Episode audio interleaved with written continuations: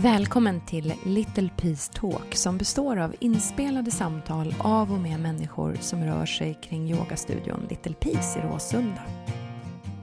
Ni kanske känner till att en av de vanligaste meditationerna inom buddhismen är så kallad loving kindness meditation. En meditation där man övar hjärnan genom medkänsla. Idag börjar de här gamla metoderna möta modern vetenskaplig forskning. Och I det här avsnittet träffar vi Kristina Andersson som forskar på compassion och självmedkänsla vid institutionen för klinisk neurovetenskap på Karolinska institutet. Kristina har också skrivit två böcker, Compassion fokuserad terapi och Compassion effekten. Här kommer Kristina berätta mer om sin forskning och varför yoga och meditationens effekter ligger så nära de effekter man får av compassion-fokuserad terapi. Varför använder man just det engelska ordet compassion? Hon kommer berätta hur man gör sin hjärna trygg och hon delar med sig av vad de tonåringar, ekonomistudenter, anhöriga till sjuka och företagsledare upplever när de får öva compassion. För effekterna av en compassion-träning är goda. Speciellt när livet är lite utmanande. Som nu, när Kristina kommer till inspelningen av det här poddavsnittet och just fått utstå en ganska svidande kritik. Ja, Kristinas forskning skyddar ingen av oss från att livet händer. Men det hjälper oss kanske att se situationer med lite mer klarhet och värme. Vi välkomnar Kristina och vi välkomnar dig som lyssnar jag känner att jag liksom har det där kvar i mig så jag tänkte lika bra att jag säger det så att om du ser på mig att jag verkar vara så är Utspejsad? Ja men typ. Man rubbas. Ja. Så det är inte att nervös för det här eller att det är någonting så. Det här känns bra. Ja. Men om jag upplevs kanske så är att det där hände. Men vet du, jag tänker att det här är en, en helt fantastisk början på det här samtalet. För att um, vi kommer ju alltid in i situationer med en bakgrund. Oavsett om det är någonting som hände för tio minuter sedan eller om det är någonting som hände mm. när vi var små. Ja. Jag sitter ju här nu med mm. Kristina mm. Andersson. Framför mig så har jag din bok som heter Compassion-effekten. Alltså du har ju en sån otroligt gedigen meritlista så att jag känner att jag kommer glömma någonting om jag försöker rabbla den. Tänkte att jag skulle börja med det. Ja. Vad härligt. Nej men jag kan säga några saker som gör att den som lyssnar nu vet lite mer vad jag har gjort och vem jag är.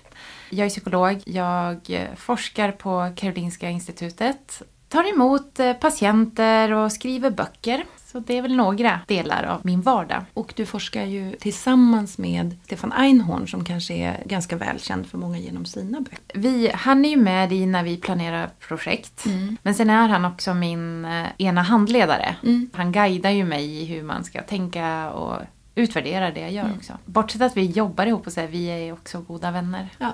Mm. Och han lovordar ju dig och det jobb som du har gjort. Vi började prata lite grann, Kristina kommer hit från en föreläsning där hon fick lite feedback som eh, inte bara var tummen upp. kan man säga så? Mm. Är det ja. okej att säga så? Ja, ja det är helt okej. Och det ja. är spännande mm. vad det gör med oss. Och när jag börjar titta i din bok eh, så inser jag att du har gjort ett sånt otroligt grundligt arbete. Du tittar inte bara på compassion, Mm. och de metoderna och de, hur välgörande de är. Utan framförallt på de områden där det är svårt för oss att visa compassion med oss själva och andra. Mm. Ja men precis. Och det är ju liksom först där som det är verksamt, eller hur? Mm. Som när vi får tummen ner på en föreläsning. Mm. När man börjar prata om compassion och, och medkänsla och ha self-compassion så det är så lätt att man bara tänker sig att oh, nu ska jag vara snäll med mig själv. Men i det begreppet så finns det så många dimensioner mm. i förhållningssättet att vara snäll med sig själv. Vad innebär det?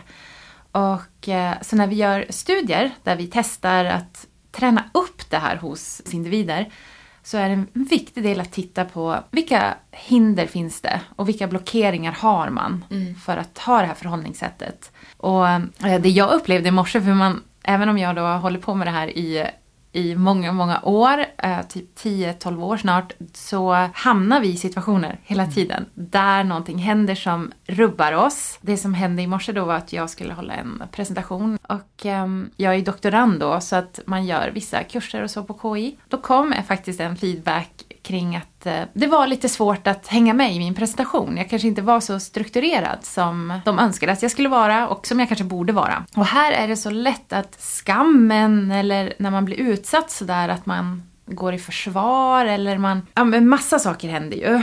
Och, eh, Och det händer, vi pratade Ja. om det lite innan, att Ja. det händer väldigt fort i oss. Ja. Det är exakt sådana här situationer där jag tycker självmedkänsla då, eh, att ha self-compassion är så viktigt för att man vågar vara sann mot sig själv. Man vågar skala bort lite försvar och faktiskt våga känna så här Även fast det gör ont att det kanske var så här, kan jag ha en förståelse varför jag kanske inte var så strukturerad? Kan jag tänka på det till nästa gång? Och det betyder inte heller att man ska lägga sig platt, låta kritiken eller feedbacken skölja över en och, och så, utan det är så viktigt att kunna se med klarhet. Mm, mm. Och det tycker jag också hör samman med, med yogapraktiken också, att det vi jobbar med är ju att göra det vi kan så att vi har så klar syn på saker och ting från båda perspektiven. Mm. Att visst kanske det var lite olämpligt att också ge den kritiken, alltså det kan finnas en sanning i det. Mm. Um, oavsett hur man förhåller sig till en situation så kan man ha lite bredare och klarare perspektiv. Mm. Ibland så står ju någonting i vägen för det där breda och klara perspektivet. Och ibland är det ju informationen vi får och sen ibland är det hur det sägs. Ja men precis, och kanske det bara var en förmedlan om att personen inte förstod, alltså att det inte var kritik heller. Alltså, Utan ens rädslosystem går igång. Och det beskriver jag ju ganska ingående vad som händer med oss när man blir rädd. Eller när ens egen självkritik bara så här, går igång. Och då är man ju inte i verkligheten heller. Det är massa av de här aspekterna som finns i, i att lära känna sig själv. Mycket av compassion-effekten då är så här, handlar om att, att lära känna sig själv men också då öva upp en intention att vara vänlig mot andra, ha en välvilja. Och det här är ju enkelt när solen skiner i våra liv. Ja. Och det är inte så enkelt när vi utsätts för, för olika utmaningar. Det är olika enkelt för olika människor. Ja. Jag tänker på det du skriver om, om anknytningsmönster. Om vi ska börja när man är, är väldigt liten. Vad kan vi säga om anknytningsteori för de som inte har, eh, är bekanta med det begreppet? Det är en psykologisk teori som är kopplad till hur vi människor gör oss trygga. Det har jag som en underrubrik till boken också, det här att hur man kan få uppleva en inre trygghet. Något som jag tror att väldigt många längtar efter om man inte har det. Eh, Och anknytningsteorin då har att göra med att vi kan ha olika stilar i hur vi ska kunna få den där tryggheten. För när man är barn så är man väldigt beroende utav andras omsorg. För att man kan inte bara ta hand om sig själv och göra sig själv trygg. Och då lär vi in olika sätt som vi måste vara på för att få andras välvilja då. Ja men vi har då tre olika. Att har man en trygg anknytning då har jag en förväntan att andra människor vill mig väl. De bryr sig om mig. Och att om jag möter någon som kanske inte gör det så vet jag att jag har en strategi för att träffa någon annan som gör det. Men har jag en otrygg anknytningsstil, och då finns det två variationer av det, att man har en som är ambivalent och en som är undvikande. Och har man de stilarna i sig så kan det vara så att när någonting svårt händer, när man behöver möta någon som kan lugna en, så om man har en undvikande anknytningsstil så tänker man att jag får uppleva trygghet och närhet till någon annan om jag håller distans. Medan om jag har en ambivalent anknytningsstil så blir det mer att jag måste anpassa mig väldigt mycket till den andras förmåga att kunna ge. Och sätta mina egna behov åt sidan. Vilket då kan göra det svårt i relationer att känna sig trygg med andra. Och compassion handlar väldigt mycket om att hur kan jag få en inre trygghet och hur kan jag skapa relationer som är trygga. Det låter också som att, att vara i relation blir väldigt mycket arbete beroende på vad man har för typ av anknytning. Ja, Man hör ju ganska ofta människor som säger åh jag har bara satt mig själv åt sidan och jag har bara servat eller jag har inte t- sett till mina egna behov. Och då tänker jag att det måste vara oerhört arbetsamt eh, att, att upprätthålla en relation. Eller om man också är undvikande. Att hela tiden känna att man behöver dra sig tillbaka och ändå vilja vara i relation. Det måste pågå liksom en inre konflikt. och det är väl därför Eller? också så många upplever den här inre stressen istället för den här inre lugnet. Ja. Att känna att, ja, men att världen vill en väl, att människor finns där för en och så. Ehm, Människor som har utvecklat den sidan Mm. eh, om man inte har, har en medfödd i, i sin programmering, så blir ju världen liksom färgad på ett helt annat sätt. Att lyssna på en människa som hela tiden är på sin vakt, man liksom lever nästan enligt Murphys lag, lagen om all jävlighet, eller det här att kan det hända något skit så händer det liksom. Ja, ja. Det är nästan som att, jag brukar jämföra det med, jag som är en visuell person, det är nästan som att byta Instagramfilter på en, på en bild. Mm. Att man ser ju med helt, man har ju helt olika utsikt på verkligheten. Exakt, precis. Ett filter eller kaleidoskop. Så en del som går i compassion-fokuserad terapi då, som är en lite nyare form av terapi. De säger ju oftast ibland att det är magi. För att eh, compassion-fokuserad terapi då, syftet där är ju att delvis då skapa en förvärvad trygg anknytning. Då känner man att andra vill en väl. Och man har en egen förmåga att göra sig själv trygg också. Det är det som jag tror jag tycker är så värdefullt i att man kan träna upp det. Man kan byta filter som du säger. Och ehm, i den här compassion-metoden då så är det just att man börjar träna på de här förhållningssätten av att ge compassion till andra, att finnas som stöd för andra och känna att man har ett värde för andra människor.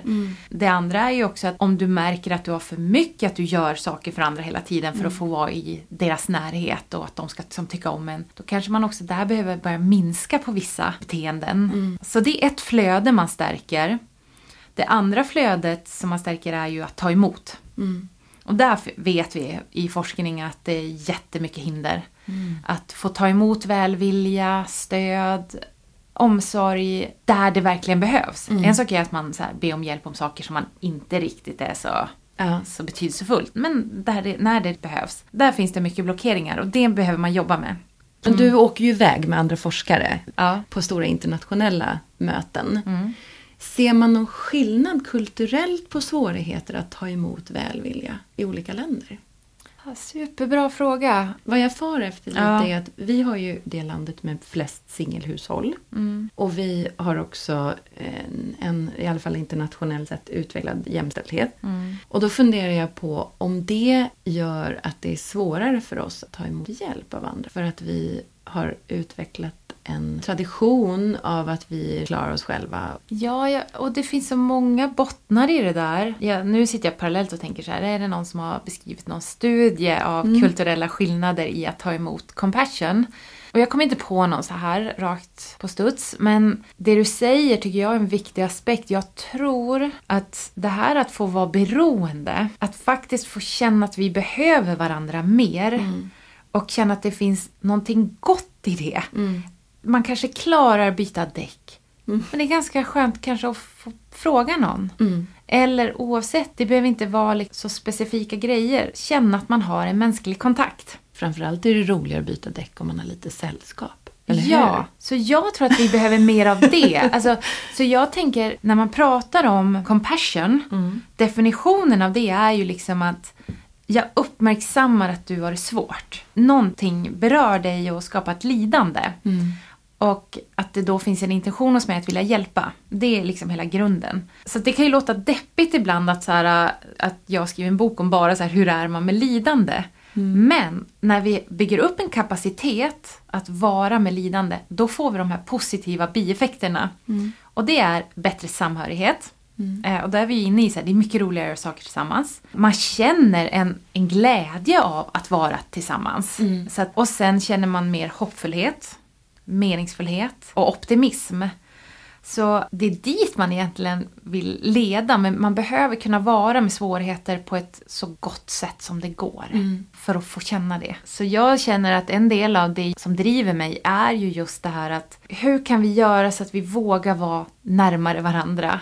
Och förstå komplexiteten också. För det kan ju låta lätt så här, men nu ska vi bara börja umgås mer. Vi är så ensamma. Och, Men det finns jättemycket svårigheter kring det. eh, som jag belyser på olika sätt i olika sammanhang. Jag tänker på det, du nämnde lite exempel på att hjälpa varandra på olika sätt. Men det finns ju också en aspekt av att just bara finnas. Att sitta med varandra att vara med varandra. Idag när vår tid är så knapp och nu har vi ju dessutom ett coronaläge som, som liksom försvårar. Men det goda i det kanske också att det belyser vikten av varandra. Det, är- det är många säger att man saknar allra mest sina vänner och sina nära och också fysisk närhet. Och att man märker vilken stor förlust det är för oss när, vi, när det fråntas oss. Eh, Så det positiva är väl att vi uppskattar varandra och inser att vi behöver varandra. Ja men det är viktigt det du säger för att det har ju fått oss att kanske värdera det mer. Mm. Men det jag också vill lägga till är just det här att, att våga bjuda in fler också. Mm. Inte bara, alltså, det är ju en del i olika compassion meditationer och sånt att våga se att hela man kanske bara har för sin lilla grupp, Mm. sen vågar man vidga den. Och, och, och det är också återigen ett syfte med den här compassion-träningen att man får en så god relation till sig själv så man har kapacitet att se andra. Mm. Och då kan man också vidga det liksom att man finns för en granne. Mm. Man anstränger sig på olika vis för att finnas. Mm. Eller kanske plötsligt känna engagemang för någon man inte ens känner. Eh, Det finns väl det där citatet som Einstein lär ha sagt men som ingen tror eh, på eh, när man säger att, att det var Einstein. Spännande. Eh, A human being is a part of the whole, called by us universe, a part limited in time and space. He experiences himself, his thoughts and feelings, as something separated from the rest, a kind of optical delusion of his consciousness. This delusion is a kind of prison for us, restricting us to our personal desires and to affection for a few persons nearest to us. Our task must be to free ourselves from this prison by widening our circle of compassion to embrace all living creatures and the whole of nature in its beauty. Jag tror inte det är det första man kanske tänker på när man tänker på Einstein. Nej, men om han var klok så var det ju väldigt klokt sagt. Riktigt. Ja. Nej, men det var, det var jättefint. Eh, och- Just det här ja, att liksom, mm. vi, måste, vi måste kunna vidga den här cirkeln och inte bara tänka att det är de här, de här fem, tio närmsta. Mm. Utan att vi alla hänger ihop och att vår uppgift är att liksom bredda den här cirkeln. Det finns ju meditationer som är fantastiska som blir ett slags, jag vill inte säga tankeexperiment, jag skulle nästan vilja säga ett hjärtexperiment eller en, en, ett expansionsexperiment kanske man kan säga. Eh, där man märker när blir det för abstrakt för mig eller när tar det emot? Hur mycket kan jag gradvis öka mitt omfång av medkänsla? Precis, och det är det där omfånget man övar på att vidga Mm. i den här. Som du säger, det finns ju en specifik då som är Loving Kindness Mm. meditation. Och ehm, det var faktiskt en meditation som användes i de första hjärnavbildningsstudierna när man gjorde compassion. Alltså när man lät försökspersoner öva på den här meditationen då. Sen skickade man in dem i en apparat som skannade av hjärnorna och såg att vissa områden då lystes upp och aktiverades. Och vilka områden är det? Det är områden som har att göra med faktiskt det man idag kallar lycka. Alltså det finns ett belöningssystem i vår hjärna som gör att vi får en lyckokänsla i kroppen parallellt också med vårt empatiska område. Och då är det ju mer ett perspektiv, alltså ett, en struktur i hjärnan som aktiveras. Så det tycker jag är spännande. Sen det vi också gör i, alltså i våra psykologiska träningsprogram är att vi försöker göra så att man upplever att, att man har en trygg hjärna. Det gör också att man har en förmåga att våga välkomna in andra människor. Så det är några aspekter. Och det här med en trygg hjärna. Vad, Ja, det är både och. Att, att man minskar stressreaktionerna i hjärnan. Och stressreaktioner när man blir rädd kan ju vara att man övertolkar saker, man eh, agerar i, i hot kan man ju bli aggressiv. Eh, så visst dämpar man det. Men det andra är ju också att man börjar skapa sig en tillvaro där man som du säger, byter filter lite grann. Så att man känner så här, man, en övning är att skapa en trygg plats. Och där innebär det att också att platsen tycker om att ha personen där. mm. Och bara där blir det en samhörighetskoppling. Och då har man övat på det. Så att till exempel när jag eh, träffar dig och så kan jag känna att du tycker om att ha mig här. Mm. Det blir en helt annan relation än att man känner så här, är jag viktig för dig? Eller du kanske inte ens vill att jag är här. Allt det här skapar ju trygghet. Och jag tänker att det där borde ju bli en, en tvåvägsgrej.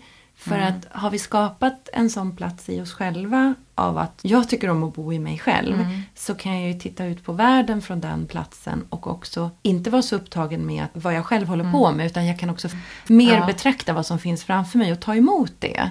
Välkomna människor eller ta emot dem i vilket skick de än är i eller hantera att någonting inte blev som jag hade tänkt mig.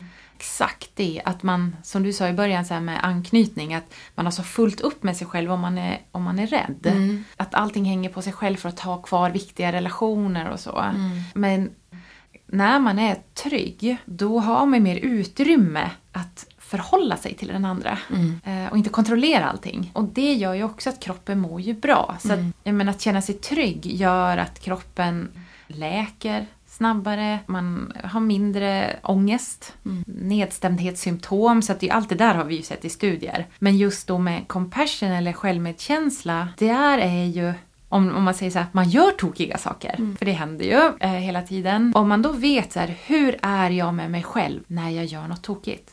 Och det är där man sätter in eh, självmedkänslan. Eller compassion mot någon annan. Istället för att vara dömande så har man faktiskt en mer förlåtande attityd, en tolerans. När man sätter in det i en kontext av compassion så får den så mycket mer bärkraft. Och det gör också att vi kan vara med varandra i befintligt skick. Mm. Och det befintliga skicket gör att ibland är vi bra, ibland är vi mindre bra, men vi står ändå i kontakt med varandra. Mm. Och det är det vi människor behöver.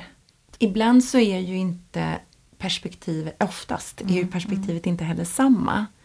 Och det som kan ha varit ett rätt agerande från ett håll kan ha varit ett helt vansinnigt agerande från, från någon annans perspektiv.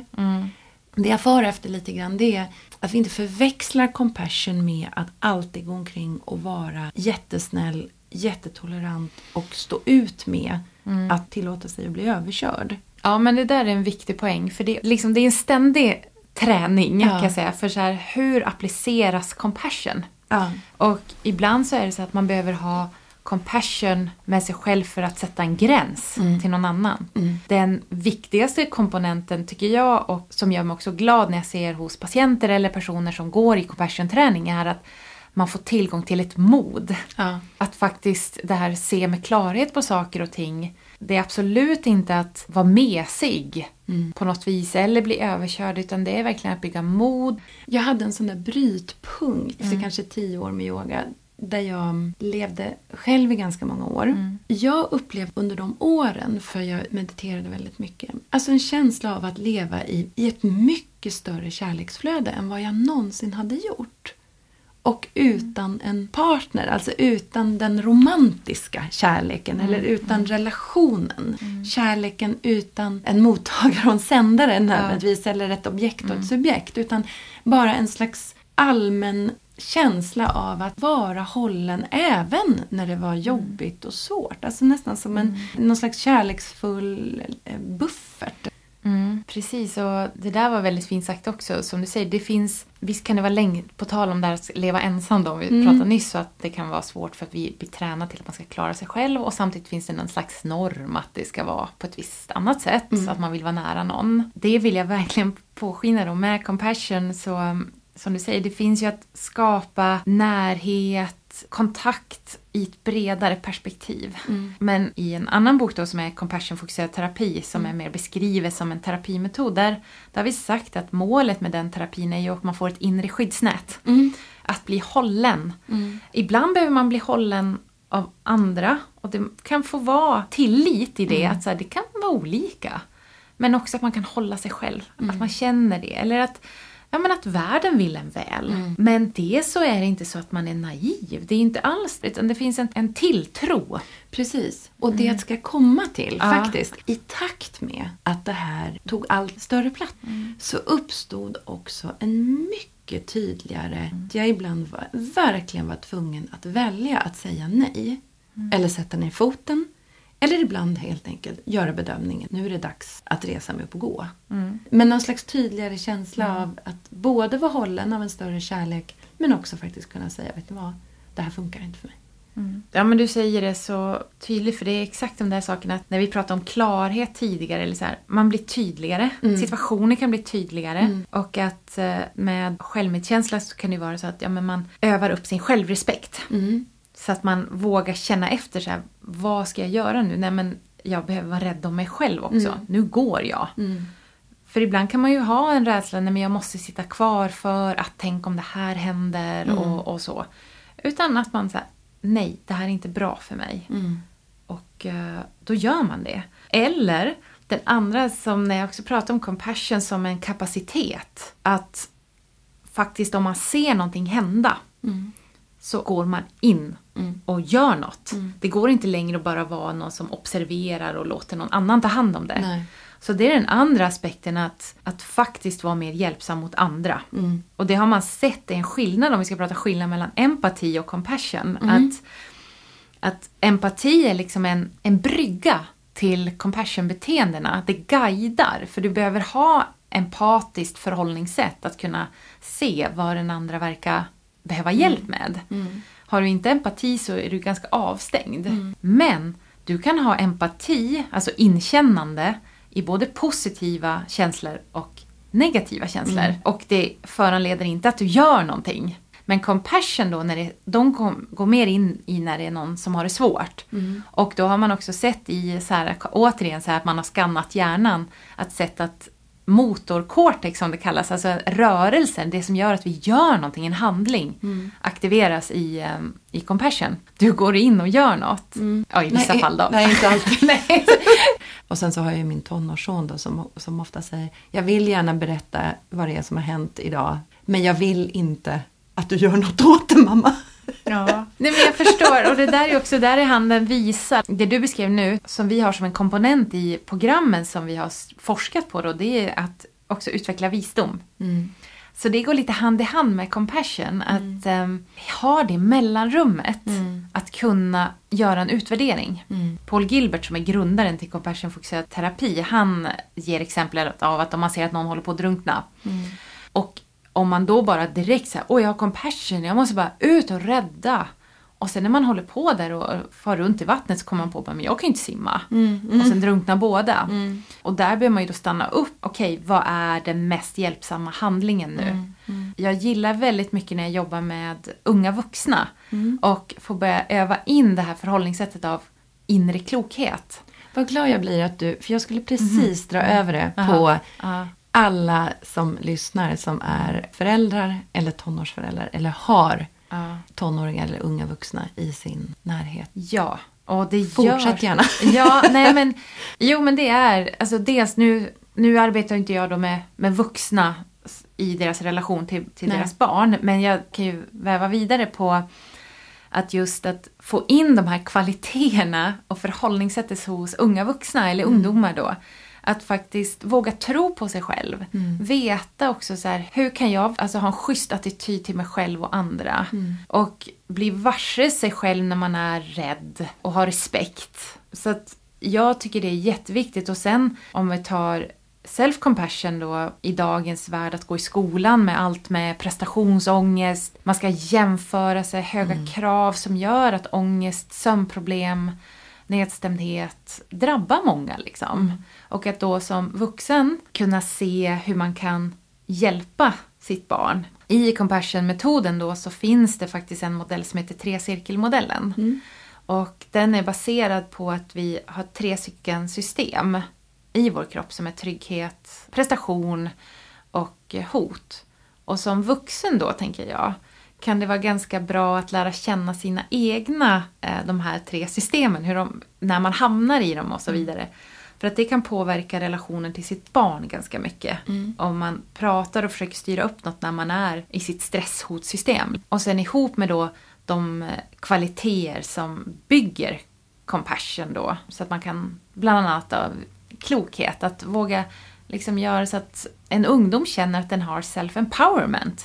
Den, den har den kraften och förmågan. Eh, Det tror jag är viktigt. Jag träffar ju många föräldrar med barn i tidig tonår eh, där alla säger samma sak. Jag vet inte vad som har hänt.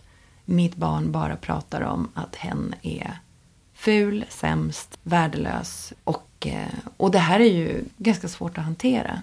Och samtidigt tror jag att många av oss kan gå tillbaka till, till vår tonår och också känna igen oss. Vi vet ju också att tonåren är en tid i livet när hjärnan byggs om.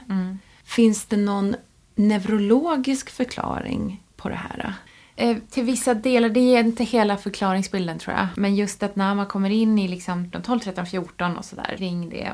Då, då blir man ju väldigt självmedveten. Men också att könshormoner och allting blir starkare. Där, Det är ju en aspekt i det hela som man kan se förändras i hjärnan. Men jag tycker nog att som förälder kan man ju prova sig på compassion-träningen i sig. För att jag tycker inte vi ska vara för snabb på att försöka ta bort allting. Men att kunna vara i en äkta kontakt mm. och ha respekt återigen. Och, så här, och att kunna vara i den här tydligheten som vi har återkommit till. Mm. Det är en upplevelse så det går inte att liksom riktigt läsa sig till den. Men att kunna vara i det, för att ibland kan man ju bli så orolig själv. Mm. De måste få uppleva en del av sorger, mm. osäkerhet, att hitta sin gräns för att tycka om sig själv. Mm. Så att det finns en sak att våga vara i det som är. Mm. Inte hela tiden tänka att det måste bara bort. Mm. Allt ska vara så bra. Mm. För det är en viktig aspekt att låta någon få vara ledsen. Mm. Sen så, det finns ju också olika grader av det. Mm. Och att då kunna se när det blir svårare, att man då kanske kan börja öva på då ett förhållningssätt av att vara med sig själv i befintligt skick. Mm. Det är ju en skillnad att vara med sig själv eller med någon annan i befintligt skick eller att sätta igång och spirala neråt. Ja, och kunna bryta det. Ja. Och det tänker jag också är skillnaden på att se saker som det är. Mm. Eh, någonting inträffar, ett barn kommer hem och har fått underkänt på ett prov. Mm. Och då är det det vi vet. Provet är underkänt. Mm. Ja. Vad känner du? Jag känner besvikelse. Men det är väldigt lätt att det, att det drar iväg och blir jag kan ingenting. Mm jag, jag, kommer inte klara det här, jag kommer inte få några betyg, sen kommer jag inte komma in på ett universitet, sen kommer jag inte göra det här, sen kommer jag inte få något mm, jobb mm. och så kommer jag leva på gatan och så kommer jag få, precis det här ja, har jag, har jag ja. faktiskt hört hemma i vårt eget hem. Ja. Nej, men då. Och sen kommer jag få plocka i papperskorgar och bo i en sån där ja, sopsäck. Kommer hamna där. Där har ju då liksom tanken och hjärnan dragit mm, iväg mm. från klarheten, det vi vet. Det blev ett underkänt prov. Okej, okay. Mm. Du är inte under. Nej men det är fint. Alltså, och det finns, där måste jag säga, det är skillnad när man pratar terapier till faktiskt vuxna också och mm. till barn. Jag, för också som vuxen där, när det går spiralen, mm. att faktiskt säga stopp. Mm. För det handlar ju om känsloreglering mm. också. Det är också det vi får lära oss av vuxna, att stopp, det är okej, nu räcker det. Mm. Och, och reglera på det sättet. Men man också gör det av en attityd av compassion. Man kan ju få ett stopp på sätt som skadar. Mm. Men sen har man faktiskt sett i, i studier, nu, nu pratar jag utifrån koppling till studier och mm. så, uh, utifrån att jag gör det jag gör, att när man satte ungdomar, de fick träna self-compassion i, i skolan. Mm. Och sen fick en grupp göra matteprov där det inte gick att kunna lösa det, så att mm. alla misslyckades ju. Mm. Och då visade det sig att den den gruppen som hade fått tränat self-compassion kunde ha mer tillgång till att våga prova igen. Alltså de kände mm. så här, ja men det kanske var någonting, att man var lite trött, eh, man kanske inte hade sin bästa dag. Alltså det fanns mm. lite mer förklaringsmodeller, inte bara så här, jag är värdelös, jag ska aldrig mer göra det här. Utan det var så här, ja men jag kanske ska öva lite mer. Ja. Det var kanske någonting jag inte hade liksom pluggat på. Så att man kör en ny satsning. Mm. Det tycker jag är superintressant på tal om inlärning. Ja. Och våga vända blicken mot sig själv. Var det någonting jag gjorde? Mm. Medan den andra gruppen då som inte hade fått self-compassion upplevde det mer som att det är helt omöjligt. Det är inte ens värt att försöka. Nej. Och jag tänker de där stunderna mm. Mm. när en människa landar i det där att mm. jag är värdelös, det här är skit. Så har vi ju försvagat oss själva. Alltså vi har ju försvagat vår mm. förmåga mm. att ta oss ur en situation. Jo, men det gör man. Och förmågan att liksom ta oss vidare är ju mycket mer försvagad. Vi bränner på något sätt mer kraft och energi i det där totalt mm. nattsvarta läget. Freeze-läge. Alltså ja. stelna, äh, mörker där. Ja. Vad jag kanske ska lägga till då när jag sa så här som, om vi pratar förälder eller så. Att när man sätter stopp, det handlar inte riktigt bara om att säga stopp nu räcker det och sen gå och äta upp din mat. Nej. Eh, men om, om det är så att man är ledsen eller arg mm. så är man med den befintliga känslan också. Mm. Eh, I sättet man reglerar. Liksom. Mm. Ja, men jag förstår att du är ledsen, du kanske är orolig för det. Mm. Det är okej. Okay. Men ibland händer det också. Det här mm. med att våga vara med misslyckanden. Mm. Som en teknik vi har i att faktiskt man bemöter en teknik av FAVO. Mm. Och FAVO-strategin står för att i en svår situation med någon annan eller sig själv mm. kan jag ha förståelse för vad som hände. Mm. Kan jag ha acceptans eller eh, kan jag ge mig själv värme, alltså mm. emotionell värme. Kanske bara, kan du visa vänlighet på något vis mm. och omsorg. Så det, någon av de komponenterna kan göra att det är lite lättare att vara i det. Mm, för att bryta det här äh, svarta, för det är det som gör att det känns hopplöst, meningslöst. Mm. Det är det då med compassion som man har sett att man kan få hoppet igen. Mm. Vad skulle du säga är den allra, allra viktigaste nummer ett metod? Det var faktiskt en, så att jag ska faktiskt säga vem det var som sa det till mig så att det inte blir som att jag sa det. För Mm. jag kände att wow, när jag fick höra det. Hon har forskat länge med då Paul Gilbert som är grundaren till CFT-terapin. Mm. Hon heter Mary Welford. Och har skrivit mycket böcker också. eh, Och jobbar med barn för de som är intresserade att titta mer på det. Hon sa till mig, när jag frågade henne då för massor med år sedan, liksom, men hur skulle du beskriva self-compassion? Då sa hon så här, att fråga sig själv så här, vad behöver jag nu? För att göra mig själv lugn och trygg. Svaret behöver man utforska i sig själv. eh, Och se med tiden. Får vi avslöja någonting om ditt nya projekt? Ja, men det kan vi säga Det får man säga. Ja, det är ja. så. Därför att du håller på Ja. att skriva en bok, eller om den är färdigskriven. Den kommer Nej, komma. men vi håller på. Ja. Mm, mm. Men den kommer komma i vår, Eh, I maj. i maj. Du skriver en bok tillsammans med Sara Granström. Mm. Vi har haft henne i studion och vi har haft hennes man här, Guy Pawiki, har varit med Ja, i, i podden. podden. Mm, precis. Men du skriver en bok tillsammans med henne där ni tittar på hjärnan och eh, yoga. Ja, den heter Yoga hjärnan. Ja. Och eh, där vi har försökt att integrera yogans tradition tillsammans med modern psykologi kring vad som gör oss lyckliga, att förstå oss själva mer. Och sedan så har vi också då byggt ihop det som Sara då tenderar ha sett och, och som vi har pratat om är just att en effekt av att träna eller göra yoga då i, i alla dessa aspekter är att, att man får mer compassion. Man upplever det mer. Och då har vi pratat om det från yogans håll ihop med psykologins håll. För vi får ju ofta höra, och nu, är, nu säger jag inte det här för att utesluta det ena eller det andra, men vi, vi får höra ganska ofta av, av människor som har spenderat mycket tid i terapi, att det har hjälpt och sen så börjar de med yoga och meditation. Och det man har pratat om i terapi plötsligt integreras i kroppen och blir en, en in, där blir det en insikt. Och en, eller att man till exempel ökar förmågan att svara på den här frågan som du just sa, vad är det jag behöver? Ja. Att det är som att någonting med den kommunikationen stärks. Ja, den inre kontakten Ja. och, och alla svar som finns där. Ja. Eh, relationen till sig själv och det är ju mer än bara huvudet. Mm. Jag är glad att du säger det för det är ju verkligen det vi har sett också som jag som psykolog också vill belysa hur viktigt det är och då tycker jag vad i yogans alla dimensioner Mm. är jätteviktiga. Det bidrar jättemycket till den psykologiska läkande kraften och utvecklingen. Mm. Så, um, så jag tycker verkligen en kombination av, och då kanske vi liksom, man får ord på olika aspekter, även den filosofiska delen i yoga men också den rent eh, praktiska delen att göra vissa rörelser. Um, både med andningen och koppling till nervsystemet och jag håller med dig till fullo. Och det är väl det också som vi då vill belysa i boken. För den som vet teoretiskt hur man ska göra så kan det vara fantastiskt att komplettera det här med en, med en meditations eller yogapraktik. För att få in det i kroppen, kan man säga så? Ja, absolut. Jag vet någonting, men ens, mitt tillstånd är kanske i oro och så. Då går jag direkt till yogapraktiken. Ja. Det är en snabbare ingång till ett skifte Mm. i kroppen. Men ibland kanske man behöver också jobba med ett annat sätt uppe och alltså förstå psykologin också. Så det, det är verkligen en relation där Ja. båda behövs. Och vi kan behöva olika ingång. Vår, Ja. första, vår första möte kanske är vetenskapligt för någon, eh, intellektuellt för någon annan och, och praktiskt för en tredje. Ja men det, det tycker jag verkligen. Så jag har många utav patienter som jag träffar eller an, i andra sammanhang så rekommenderar jag verkligen att prova på Ja. yoga. Eller också ibland kan det vara att det är bättre att göra det en tid för att få kontakt med sin kropp. Ja. För att sen kunna gå och jobba i samtal om man gör det. Mm, just det. Du kommer ju komma till studion i mellandagarna. Mm. Och du kommer hålla en två dagars eh, kurs tillsammans med Ulrika Sundqvist.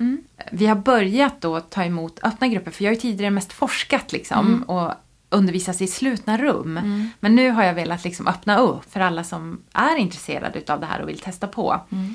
Så vi har gjort ett upplägg där vi nu ska hålla en två dagars kurs hos, i din yogastudio. Mm. Där man då får gå igenom det här compassion-programmet som jag har rört mig lite kring när vi har pratat Mm. med varandra. Just att det är en struktur och det finns liksom metoder och tekniker och övningar. Mm. Eh, Så kan vi då integrera det tillsammans med, med yoga. Mm. Så det är både liksom för kroppen men också psykologiska övningar Mm. i två dagar. Och som att det finns forskning på. Det, det låter som en inre inventering inför 2021. Ja men verkligen. Och sen få den här alltså, känslan av att vara tillsammans och eh, få känna på övningar. För det är, det ska jag också säga att även om jag ville framhäva att self-compassion är så viktigt och det har verkligen berört mig. Alltså få den här goda, trygga relationen till sig själv så att man kan ha det med andra. När man har liksom fått en god relation till sig själv, då kommer common humanity, alltså gemenskapen, att känna att man är med andra. Alltså det blir så viktigt. Och vi har ju pratat om det ganska mycket, att, att vidga det. Och det, man får en dragning till det, ju bättre relation man har till sig själv. Mm. Och så har vi också pratat om tiden vi är i just nu Ja, med corona och med Ja. att vara tillsammans, behovet av att vara tillsammans. Och just i den här, de här två dagarna då, så blir ni ju inte fler än 12. Mm. Precis som vi kör nu då istället för 19. Och det kommer också gå att vara med via en länk. Precis, och det tänker jag kan ju vara kul för alla som inte kan komma just till studien av olika anledningar. Precis. Alltså runt om i landet Ja. och, så. Så det får man jättegärna säga till så kommer vi Mm. ordna det. Och då ska jag bara lägga in om någon undrar varför vi inte bara gör allting via länk. Så handlar det dels om resurser, kostnader, teknik och så handlar det faktiskt om lärarna är bekväma. Det är inte alla upplägg som passar sig via länk och det är faktiskt Mm. vissa lärare som säger att nej, jag vill, jag vill köra i rummet. Eh, men du Ulrika har sagt ja att göra det här så det ska vi ordna för er och för andra. Något compassion tips just i de här tiderna? Eh, att ha tillit, Mm. att bära en känsla av tillit. Att det kommer att gå bra. Med det sagt betyder inte att det kommer att gå bra att man inte får uppleva några svårigheter. Det är inte så. Så det är en aspekt. Sen den andra är icke-dömande. Mm. Att faktiskt inte vara så snabb att ha åsikter eh, i dessa tider. Att skapa det här mellanrummet och platsen inombords innan man faktiskt uttrycker sig. Mm. Och sedan eh, den tredje aspekten skulle jag också prata om visdom igen. Att få tillgång till det inombords i de här tiderna. Att våga lyssna och se när man är orolig, när den sidan talar och kan en, en klokare sida få plats och, och så. Du sa också något jättefint tidigare. Mm. Um, rörde dig kring att, att generellt blir vi så rädda för möten.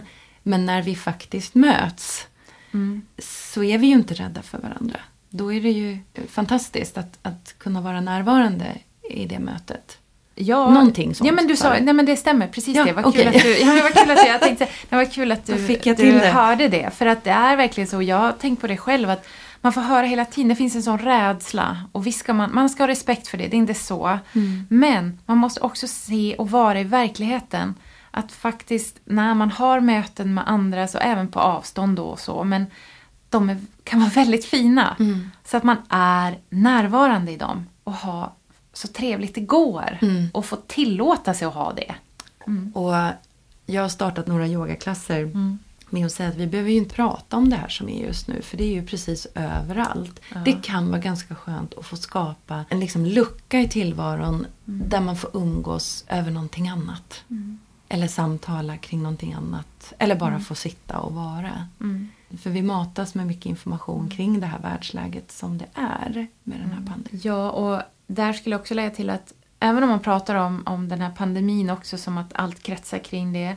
Det finns ju så mycket som händer parallellt också som kan vara svårt och det kan man känna kanske skam för ibland att så här, får jag vara ledsen för det här när andra har det så svårt och så. Och att där också rikta compassion och, och omsorg för att trots att det är en pandemi kan man ha andra saker som smärtar. Mm. Och det behöver man vara rädd om.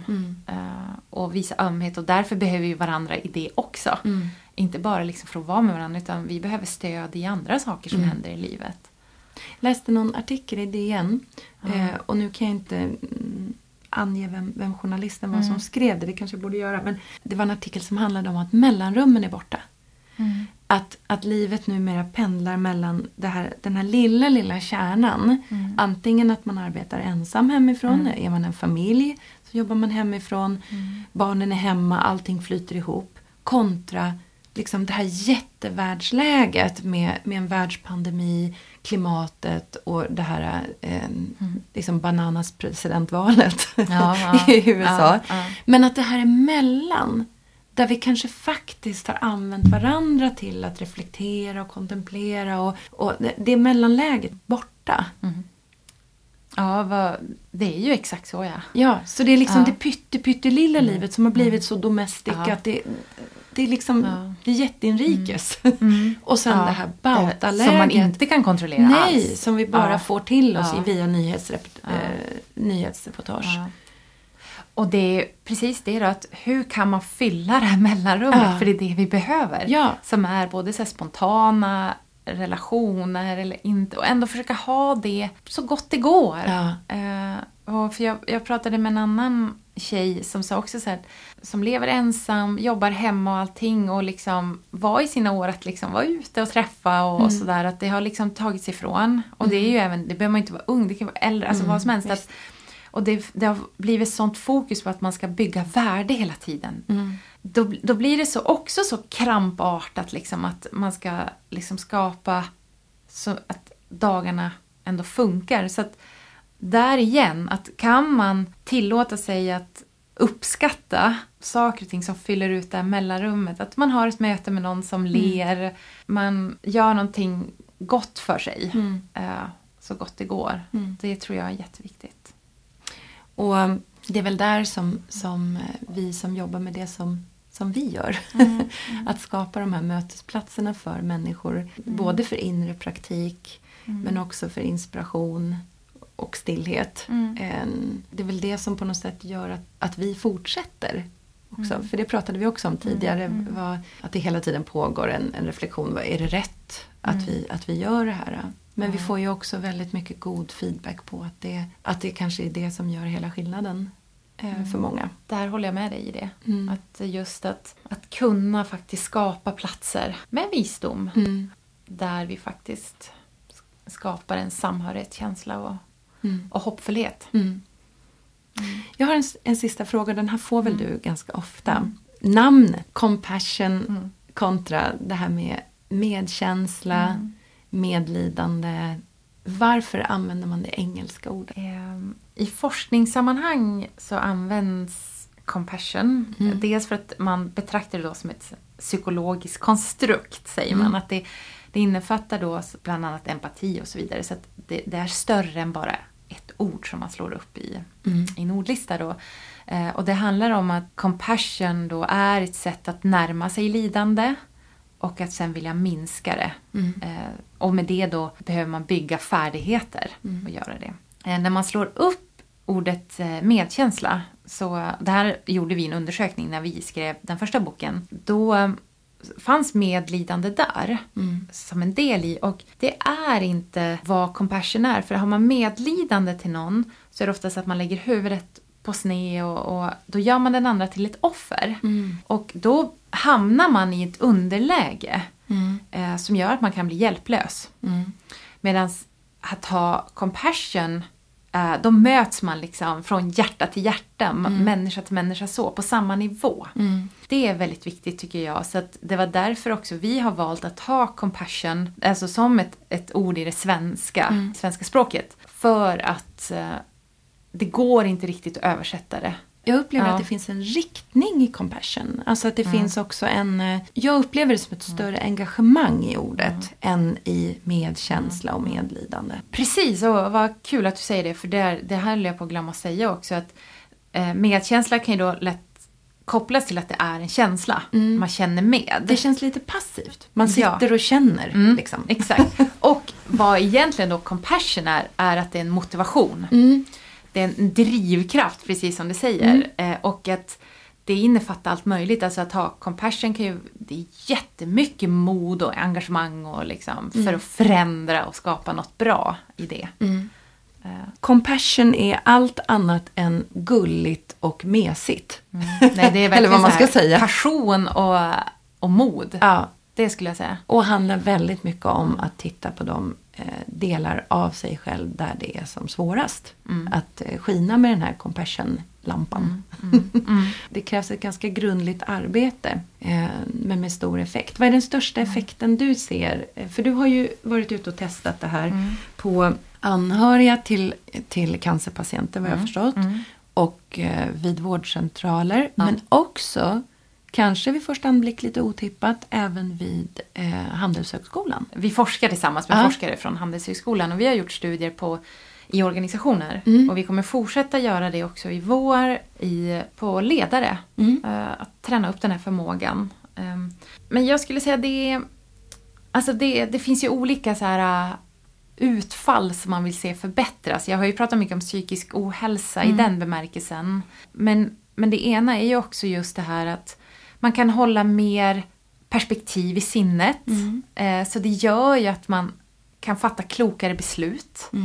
Eh, jag tycker att man också får en grundligare... Att, att jobba med värderingar är ju viktigt men jag tycker att compassion som en grundläggande värdering gör ju också att allt annat får ett annat perspektiv, alltså ett annat sken. Men sen också generellt, eh, som vi har nämnt, alltså godare relationer. Och att så mycket ställer ju till det när, när våra relationer till våra medmänniskor inte fungerar. Att, att man har tillit till att jag kan ge till andra men att jag också kommer att få gör ju att vi kan fördela resurser kanske lite annorlunda. Det finns ju en rörelse som, eller som håller på med något som kallas för energy leadership. Eh, som har upp, uppkommit i USA. Och det finns flera liksom framgångsrika ledare som leder från det här perspektivet. Bland, man pratar om Richard Branson och man, man pratar om Oprah Winfrey till exempel. och så. Där man har det här, det här compassion-perspektivet som gör att man hela tiden återgår till det större perspektivet. Vad är vi gör, vad gör vi det här för? Och att det då ska ge en helt annan effekt på den typen utav företag. Att man, att man hela tiden ehm, man leder mer med hjärtat än, än från Excel-arken och att det finns en större tillit i organisationerna generellt. Alltså större trust till varandra och en påminnelse om vad vårt mål är, vårt syfte snarare än att vi ska eh, klara det här kvartalet liksom, med en budget i balans. Ja, men och det går väl kanske lite i linje Ja. med, med det som vi pratade om. Ja. Där kan man också lägga på en enskild person, att man kan bidra. Och jag brukar ibland prata om big compassion. Mm. Att det är också när, när det blir för svårt att ha self compassion Mm. kan man liksom vidga sin horisont. Eh, så att man inte har för mycket fokus på sig själv. Nej. Och söka liksom i det större perspektivet. Återigen, att kunna förstå och se det där, det tror jag är jätteviktigt. Vad är det som gör att vi har så lätt att vara kritiska? Jag brukar göra ett litet tankeexperiment med eleverna ibland. Och det, och det här gör jag även med tonåringar men det går precis lika bra med vuxna. Ja, men ja, där tror jag inte det är någon skillnad. Nej. Nej. Nej. Och jag brukar fråga dem hur de talar till sig själva. Och tittar man på vuxna så ser man att de sätter igång och så här, men vadå, jag, jag gillar mig själv och jag tycker nog, vet nog vad jag är bra på. Men det finns små kommentarer, kanske även hos den som tycker att man har en god relation till sig själv. Så finns det ofta små kommentarer in i huvudet som man inte skulle säga till sin bästa vän. Vi kanske går upp på morgonen, ser oss i spegeln och säger åh herregud hur jag ser ut. Skulle aldrig säga det om du sov över hos mig. Skulle inte jag vakna på morgonen och säga herregud vad du ser Ja. ut Kristina. Jag vet. Eh, river jag runt i väskan och tappar mina nycklar. Åh, jag har ingen ordning, typiskt mig. Ja. Skulle inte heller säga till en vän, typiskt dig, kolla du har ju ingen ordning. alltså, Det, det, eller bara det här, en liten suck eller det finns ett, ett litet tilltal som är eh, på ett sätt som vi inte skulle tala till en gång. Varför gör vi det till oss själva? Eh, Det finns två grunder i det också. Att självkritik, vi pratade i anknytning tidigare, och att man har sett att en viss koppling är just att man är väldigt självkritisk som ett sätt att hantera eh, skam.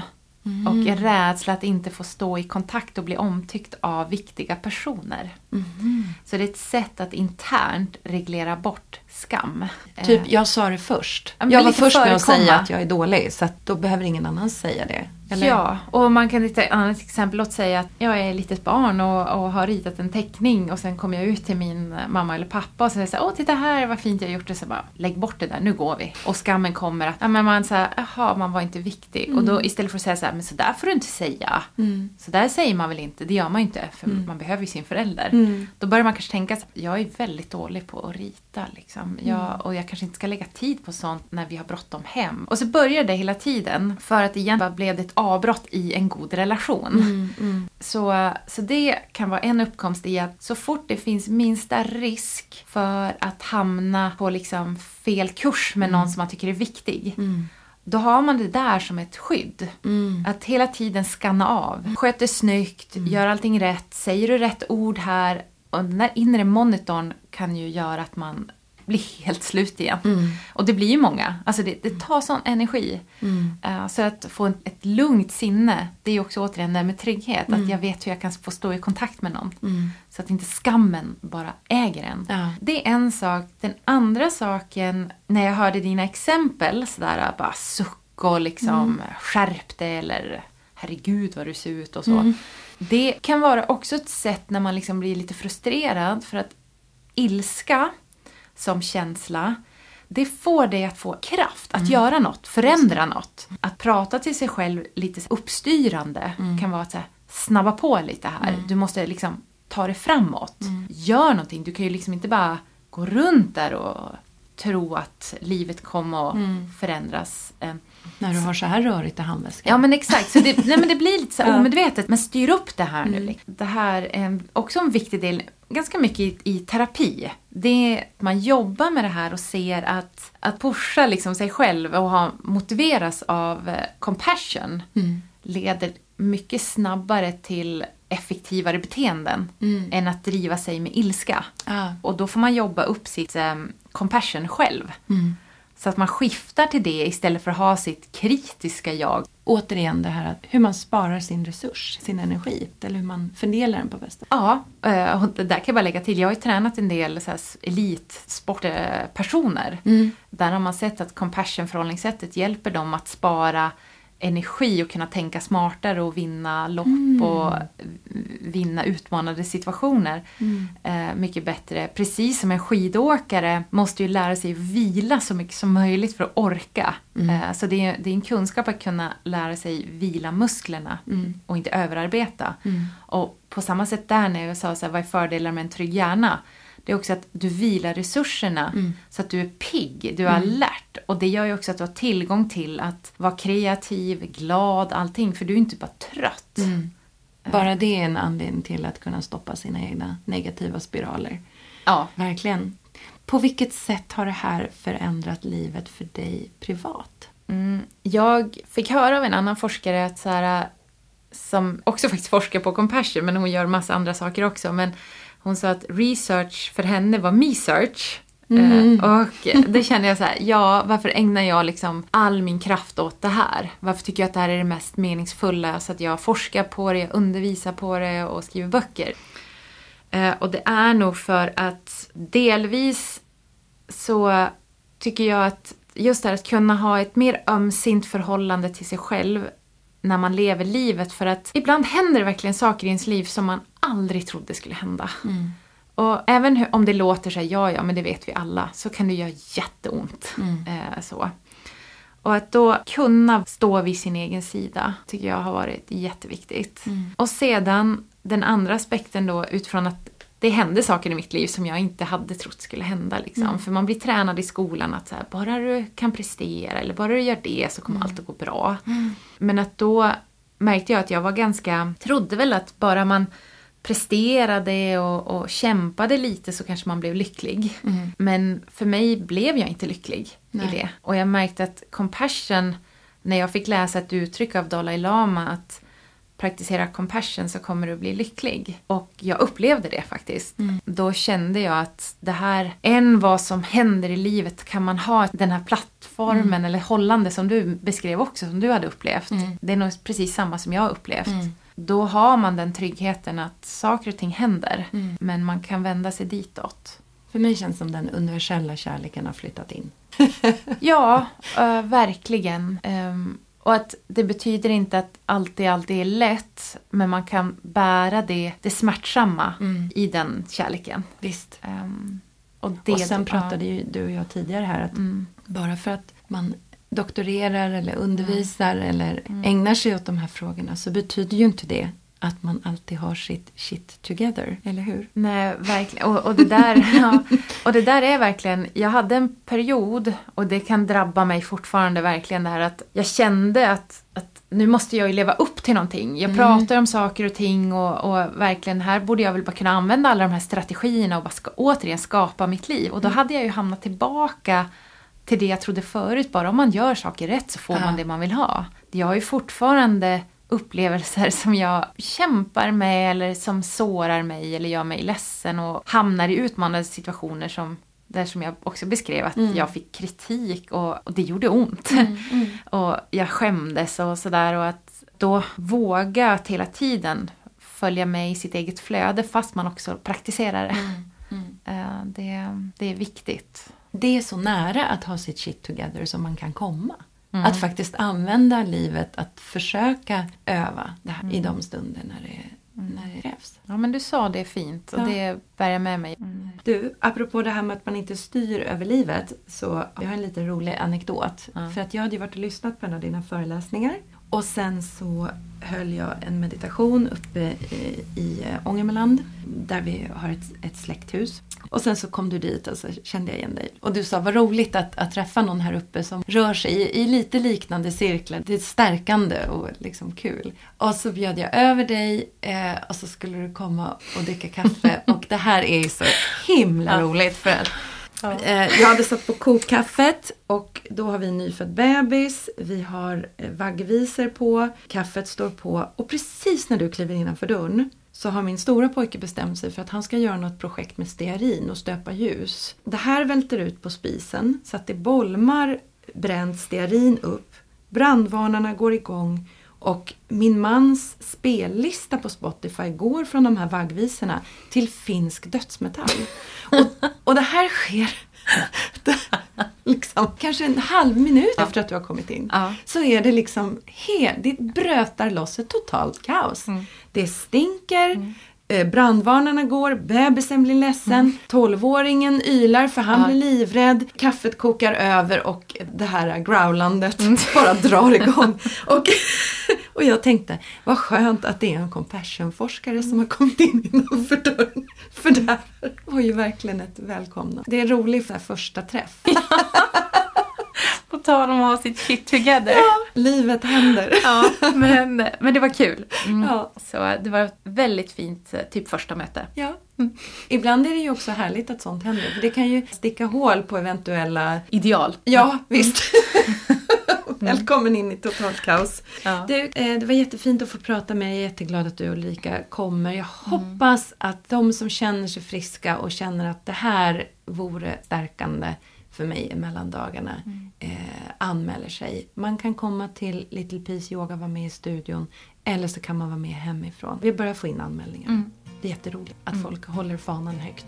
Och så tackar jag dig från djupet av mitt hjärta. Tusen tack. Tack. Kristina är hjärta och hjärna. Vilket spännande samtal.